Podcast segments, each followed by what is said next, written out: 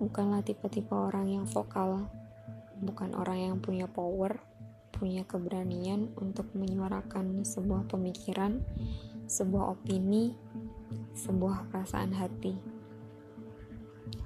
Tapi kali ini aku mau cerita ada hari di mana aku melaksanakan sebuah tantangan.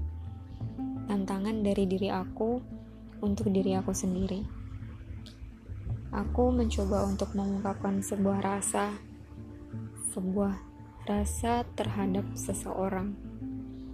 Ya, yang ingin aku ceritakan bukan mengenai siapa orangnya dan bagaimana kelanjutannya, tetapi selama ini aku selalu mengambil asumsi terburuk dari segala hal, dari setiap keadaan.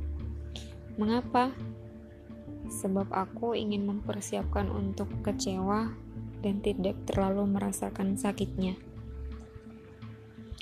Lalu, setelah melakukan tantangan itu, secara tidak langsung, seseorang itu menjadi bukti bahwa asumsi buruk yang telah aku buat sedemikian rupa tidak selalu menjadi kenyataan.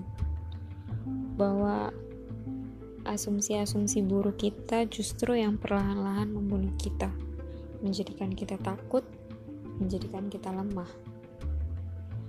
Ya, sekarang aku sedih sadar jika tidak tidak selalu salah kita punya asumsi buruk, tapi juga tidak selalu benar jika kita selalu mengambilnya. Selamat malam.